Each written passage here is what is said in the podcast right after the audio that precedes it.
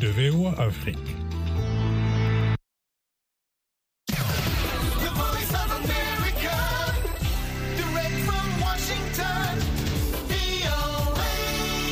Sashen Hausa na muryar Amurka ke magana daga nan birnin Washington DC.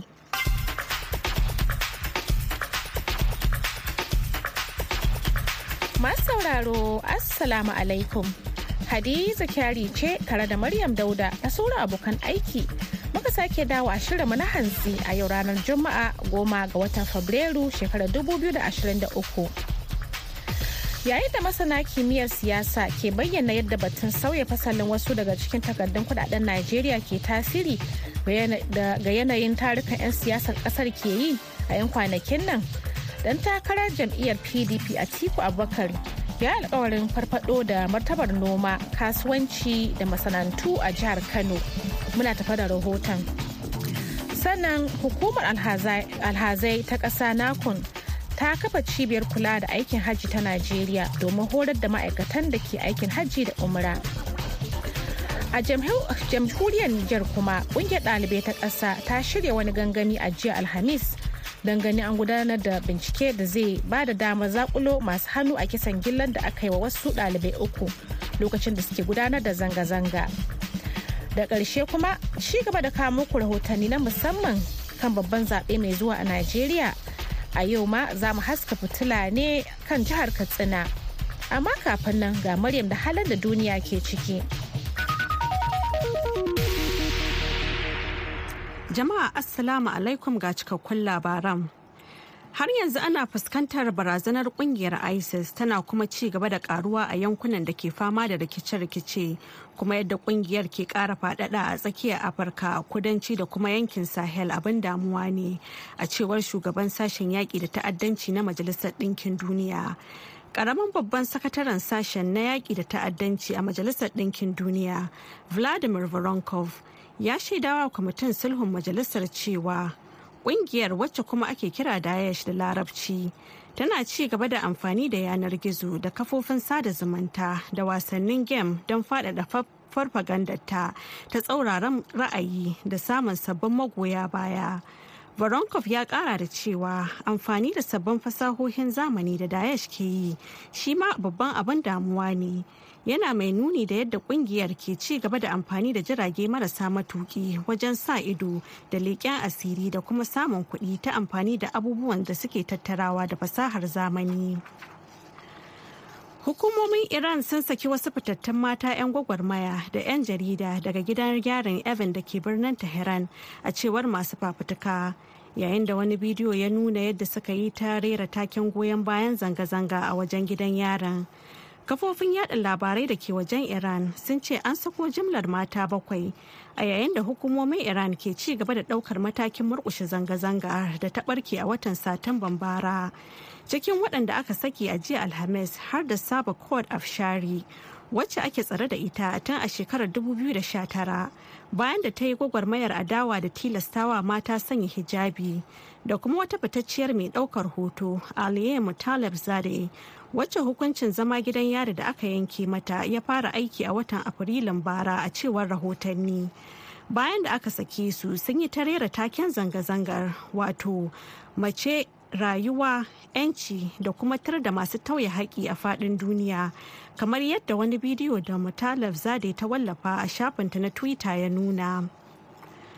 Fiye da fursunoni 220 da mutane da yawa ke ganin fursunonin siyasa ne na gwamnatin shugaban nicaragua daniel ortega aka sako a jiya alhamis kuma aka kawo su na amurka a cewar ma'aikatar harkokin wajen amurkar.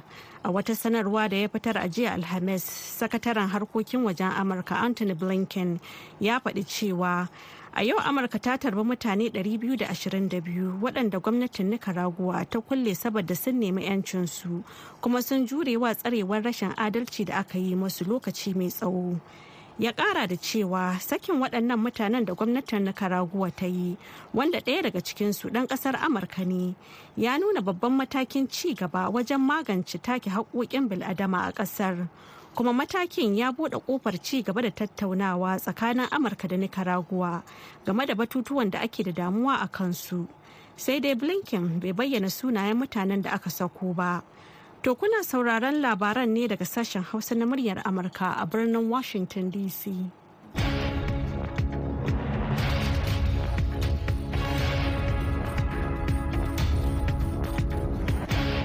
Kafin mu kawo muku sauran labaran da muke ɗauke da su, za mu fara kawo muku rahotonmu na farko. Yayin da masana kimiyyar siyasa ke bayyana yadda batun sauya fasalin wasu daga cikin takardun kuɗaɗen Najeriya ke tasiri ga yanayin tarukan 'yan siyasar ƙasar ke yi, a 'yan kwanakin nan dan takarar shugaban Najeriya na jam'iyyar PDP, Atiku Abubakar, ya yi alkawarin farfado da martaban noma, kasuwanci da masana'antu a jihar Kano. Mahmud Ibrahim Kwali na ɗauke da karin bayani. Ina son tambaye ku, kuna son martaban noma ya dawo ga Kano? Kuna son martaban kasuwanci ya dawo ga Kano? Kuna son a buɗe boda? To ga munan PDP mu ne kawai za mu yi muku waɗannan abubuwa guda huɗu. Waɗannan dai na daga cikin mahimman batutuwan da suka zamo ginshiƙan yarjejeniya da aka kulla tsakanin alhaji atiku abubakar da jam'iyyar sata pdp da kuma mutanen kano a wurin gangamin neman ƙuri'ar Ba abin da ban sani ba game da Kano shekaru hamsin da suka wuce. Alkawari ne muka ɗauka muku tsakaninku da mu da kuma Allah.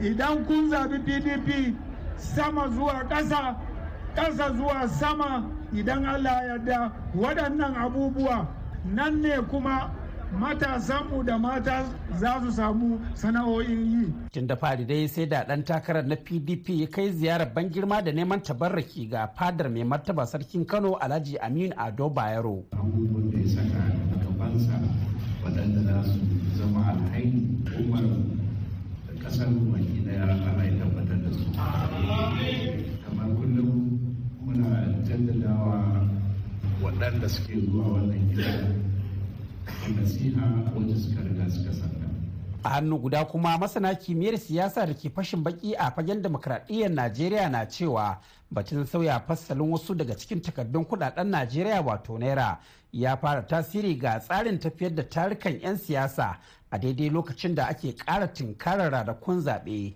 Akwai tarurrukan kamfen da yawa da suka so su yi suka kasa yi saboda rashin kuɗin. Don haka ko yanzu aka ƙyale to ba za su iya yin wasu abubuwan ba lokaci ya ƙure musu. Kuma da ake cewa a ɗaga a ɗaga in dai an ɗaga za su iya ɗan rage wani abu ne. Idan ka kalli yadda aka yi primaries da yadda aka sai da fom na jam'iyyu ta'adin kuɗin da aka yi yana haska cewar masu ƙazamin kuɗi fa sun fito takarar nan. Don haka wannan zaɓen ba da za a raba shi da kashe kuɗi to amma yanzu wannan abin musamman ba a daga ba to dole a yi zaɓen nan a cikin talauci ko da mutum yana da kuɗi kuma ko da ya canji wani abu san masa sabbin kuɗin a kai ba duk kuɗin sa ya canza ba. Dakta Sa'idu Ahmad Dukawa kenan na Jami'ar Bayero Kano yanzu haka dai ana ci gaba da samun cincirin da mutane a ciki da wajen harabar bankuna a Najeriya waɗanda ke muradin kuɗaɗen tafiyar da rayuwar yau da kullum. Mahmud Ibrahim Kwari, muryar Amurka daga Kano, Nigeria.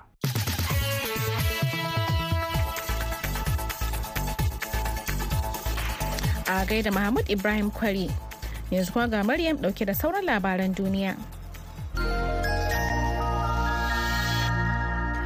Malawi na fuskantar barkewar cutar kwalara mafi muni a tarihin ƙasar a cewar jami'an hukumar lafiya ta duniya ta WHO waɗanda suka ce cutar ta yi sanadiyar mutuwar mutane sama da 1,200 yayin da wasu kusan 37,000 suka kamu da cutar tun daga watan maris na shekarar da ta gabata.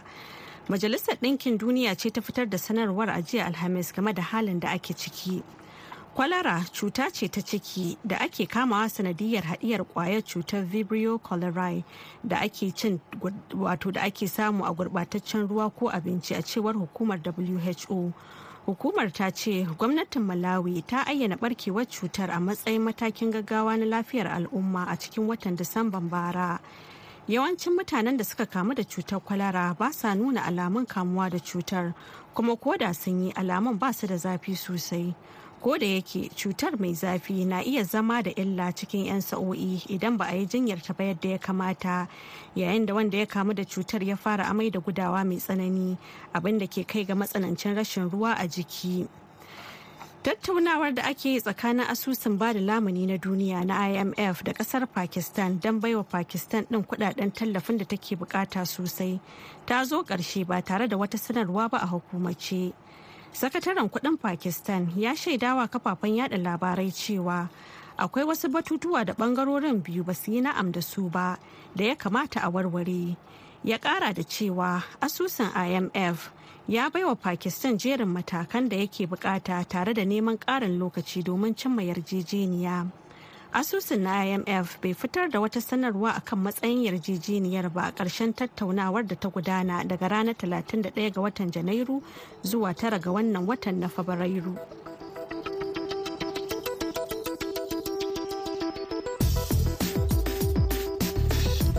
A gaida Maryam Dauda da ta karanto mana labaran duniya daga nan sashen Hausa na muryar Amurka a birnin Washington DC.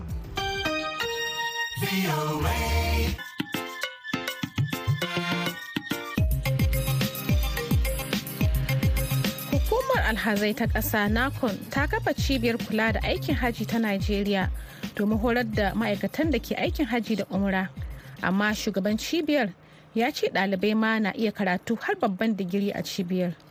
Wakiliyar murya amurka madina dauda ta halarci taron kafa cibiyar ga kuma rahoton da ta aika mana.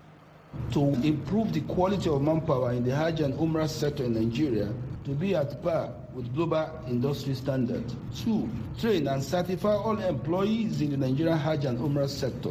Shugaban hukumar alhazan Najeriya Alhaji Zikirullahi Kulle Hassan ne yake bayyana hujjoji da suka sa aka kafa cibiyar inda ya ce cibiyar za ta inganta aikin hajji da umara da kuma baiwa ƙasar damar daidaita matsayin masana'antu a duniya. Zikirullahi ya ce cibiyar za ta samar da hanyar koyon sana'o'i ga matasa da kuma zama wurin tuntuɓa a duk duniya wajen koyar da aikin hajji da umara. Kwamishinan ɓangaren tsare-tsare na hukumar alhazai Abdullahi Magaji Hardawa yana cikin ɗaliban farko da suka ɗauki darasi a cibiyar bayan an ƙaddamar da ita. Na farko dai ina so mutane su sani cewa duk malukin da allah ya yi shi bai kure ilimi. Kuma ilimi shine sinadarin zaman duniya. Muddin baka da ilimi duniya za ta ta barka so ƙarin ilimi wajibi ne akan kowa. Ilimi na addini da ilimi na gudanar da rayuwa yau da kullum abu ne wanda kowa ya kamata ya neme shi ci gaba da nema har zuwa iyaka. So daga wannan shiga makaranta da muka yi ba mu muka nema ba tsari ne ya kawo mu shiga kuma alhamdulillahi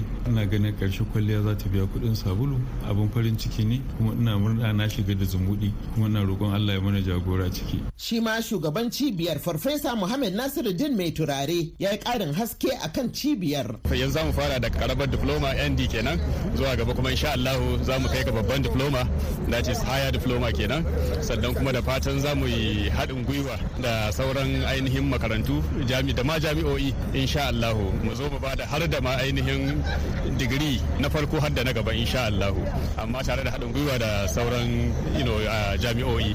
Dubban na ciki da na waje. Wannan cibiya shin ma'aikatan hukumar alhazai kaɗai ne za su riƙa zuwa ko dai har ɗalibai da ke makarantu. Ai har ɗalibai ma. Ai kin ga misali akwai shi national diploma din. Wato duk wani ɗalibi da ke son ainihin ya karanta wani abu da ya shafi harkan kula da aikin haji ko na ainihin kula da yanayin yadda ake kula da alhazai ko kuma yadda ake ainihin tafi da kula da harkan tafiye-tafiye wanda ya shafi aikin haji duka za su koya nan har da kuma harkan ma kimiyya. Ma'aikatar ilimi ta ƙasa ta amince da wannan cibiya.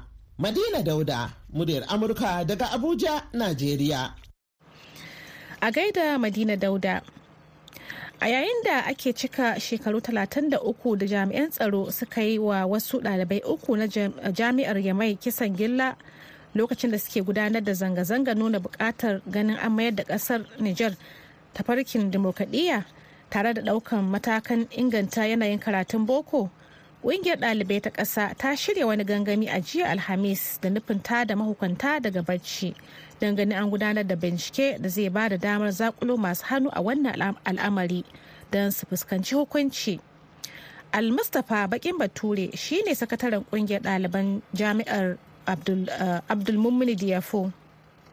mun fito saboda mu nuna cewa a rana ta tara watan fabrairu shekara 1990 mun fito HDN sun fito saboda su nuna rashin jin daɗin su game da yadda harkoki suke wakana a cikin jami'ar Abdul wannan fitowa kuma don su nuna cewa a cikin ƙasa ya kamata a samu liberty a cikin ƙasa ya kamata talakawa su ji daɗi a cikin ƙasa ya kamata a samu abin da ake cewa democracy. Wannan fitowar da suka yi ba su samu masu iko ba waɗanda suka gane abin da manufarsu sai ya zamanto aka yi abin da bai kamata ba abin a sha ya afku har aka kashe wa'ansu cikin ɗalibai. Mutum uku suka rasa rayukansu a wannan rana da ɗalibai na jami'a abdul muni suka fito. Kenan duk lokacin da wannan rana ta kewayo mu ɗalibai na jami'a abdul da ɗalibai duka na ƙasar niger muna fitowa saboda mu tunatar da ƙasa da cewa a wannan rana ga abin da ya afku. Kuma har zaman ga da ake ba a samu aka yi shari'a ta gaskiya wadda za ta sa ya zamanto wa'annan an san waye kisa waye sa aka yi kisa ya abu ya afku. Mu yi kira ga masu iko da su nurar cewa wannan abokan namu da suka rasa rayukansu a wannan lokaci sun rasa rayukansu saboda ƙasa talakawa su ji daɗi ta hanyar demokrasi kenan. Wannan demokrasi da suka nema ya kamata a gyara ta. In bata da lahiya ya kamata a sanya wani irin magani ne za a yi mata saboda 'yan ƙasa duka baki ɗaya su san da cewa a wannan lokaci na rana tara ta watan fabrairu abin da ya afku ya sa ƙasar nijar duka ta canza ya sa ƙasar nijar ta samu canjin yanayi game da hanya ta siyasa. A wani lokaci ɗalibai in suna so masu fito in suna so su yi wani abu ba yayuwa saboda kowa ana cikin mulki na tsanani.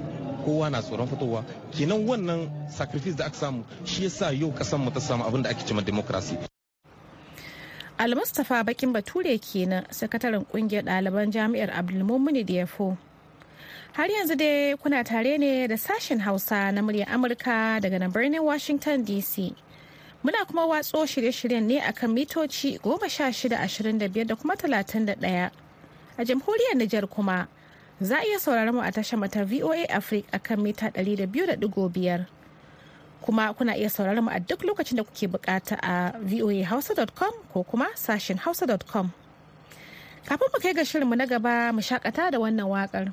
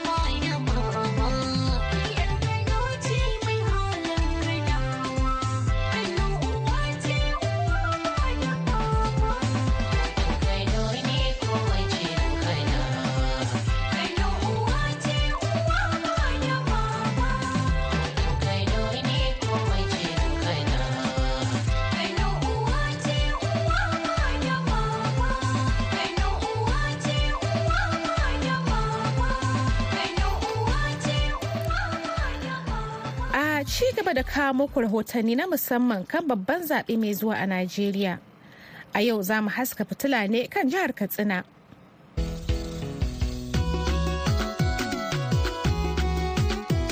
Talaka ka bar kuka kuri'ar ka yancinka ka riƙe makamanka ita za ta cece ka. Girgiro jihar Katsina ne a shekarar 1987. Alhaji Sa'idu Barda shine gwamnan farar hula na farko ga jihar. To amma a lokacin da mulkin demokaradiyya yakan kama a Najeriya, PDP ta mulki jihar tsawon shekaru goma sha shida kai tsaye, yayin da APC da ke mulki yanzu take cika shekaru takwas bisa karagar mulki. A yau, APC da PDP su ne manyan jam'iyyun da ke kan gaba a jihar. Apc dai a yanzu ta tsaye da dr dikko umar rada dan takarar gwamna yayin da pdp kuma ta tsaye da sanata lado dan marki don yi mata takarar gwamna. Da tafiya ta fara yin nisa bayan an yi da fidda gwani pdp ta samu mishkila har ta raba gida biyu kashi guda ƙarƙashin tsohon gwamna barista shema gudan kuma ƙarƙashin sanata lado dan marke wanda ke takara. Lamarin da ya bayyana karara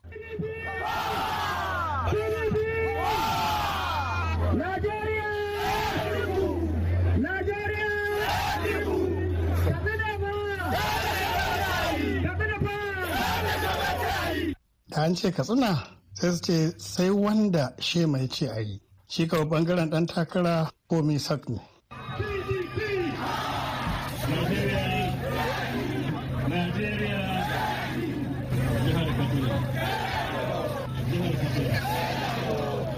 ko da da apc na da nata matsalar amma an yi shi salin ali ne domin wanda ke da ya ji an mai ba daidai ba a jam'iyyar da shi da ayaransa ficiya suka yi daga jam'iyyar. Saboda haka nasu sai dai in wannan ya jawabi wannan ɓangaren kuma su mai da martani.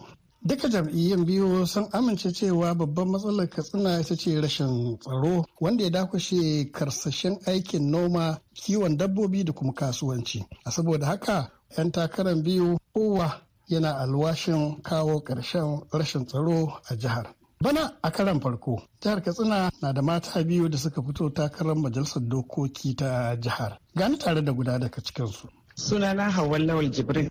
Gaskiya abin da ya sa na shiga cikin wannan takarar siyasa ganin yadda ake barin mu mata baya mun san cewa mata suke zaɓe. Shi yasa na ce ya kamata a kalla akwai wakilci na mace a cikin majalisa. Kila ba ki rasa wasu dalilai da abubuwan da kike son in kin je ki gabatar kamar me da me. Ciwon mace sai mace. Na ɗaya dai za mu taimaki iyayenmu mata ko jawara ko wadda take da aure domin samun musu da abin yi.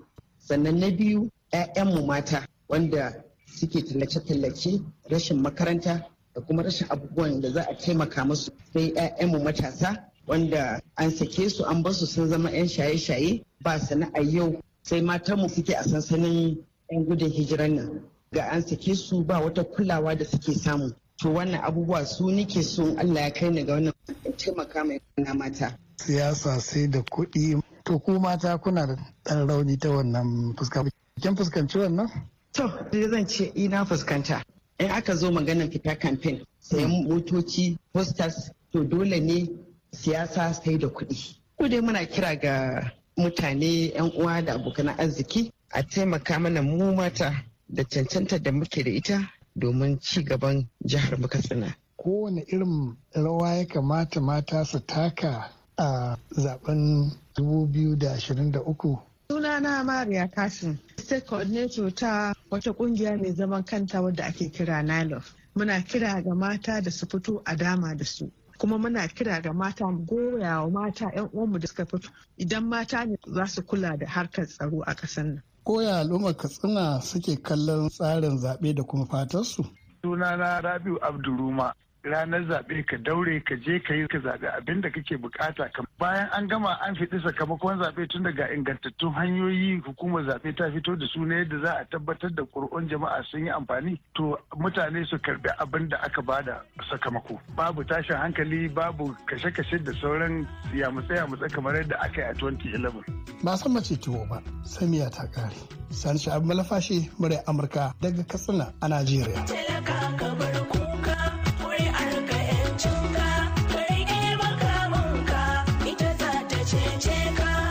Latino da Sardauna firimiyan arewa na ko in ce masoyi na gidan ƙasa yake kwana waiwayo ga 'yan baya sun ɓace a kan hanya sun biye wa zuciya roƙi na duniya.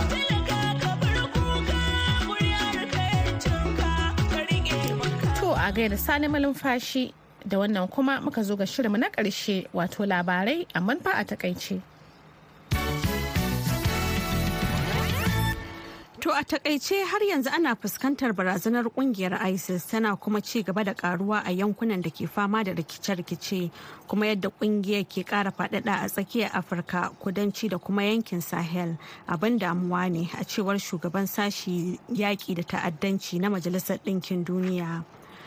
Hukumomin Iran sun saki wasu fitattun mata 'yan gwagwarmaya da 'yan jarida daga gidan yarin Evan da ke birnin Tehran a cewar masu fafutuka yayin da wani bidiyo ya nuna yadda suka yi ta rera taken goyon bayan zanga-zanga a wajen gidan yaron. Kafofin yaɗa labarai da ke wajen Iran sun ce an sako jimlar mata bakwai a yayin da hukumomin Iran ɗin ke ci gaba da ɗaukar matakin murƙushe zanga-zangar da ta ɓarke a watan Satumban bara. Fiye da fursunoni 220 da mutane da yawa ke ganin fursunonin siyasa ne na gwamnatin shugaban nicaragua daniel ortega aka sako a jiya alhamis kuma aka kawo su nan amurka a cewar ma'aikatar harkokin wajen amurkar. A wata sanarwa da ya fitar a jiya alhamis sakataren harkokin wajen amurka anthony blinken ya faɗi cewa a yau amurka ta tarbi mutane 222 waɗanda gwamnatin nicaragua ta kulle saboda sun nemi 'yancinsu kuma sun jure wa tsarewar rashin adalci da aka yi masu lokaci mai tsawo. Ya ƙara da cewa sakin waɗannan mutanen da gwamnatin nicaragua ta yi wanda ɗaya daga cikinsu ɗan amurka ne ya nuna babban matakin ci gaba. Thomas sauraro a na muka kawo shirin namu na hantsi. Sai kuma can da la'asar misalin ƙarfe huɗu na yamma idan Allah ya kai mu za ku ji wasu daga cikin abokan aiki ɗauke da wani sabon shirin. Yanzu a madadin dukkan wanda suka ba da gudumawa ga nasarar wannan shirin musamman Maryam Dauda da ta karanto mana labarai sai kuma Salman Abo da ya hada shirin ya kuma ba da umarni. Ni Hadiza Kyari ke sallama da ku daga nan sashen Hausa na muryar Amurka a birnin Washington DC.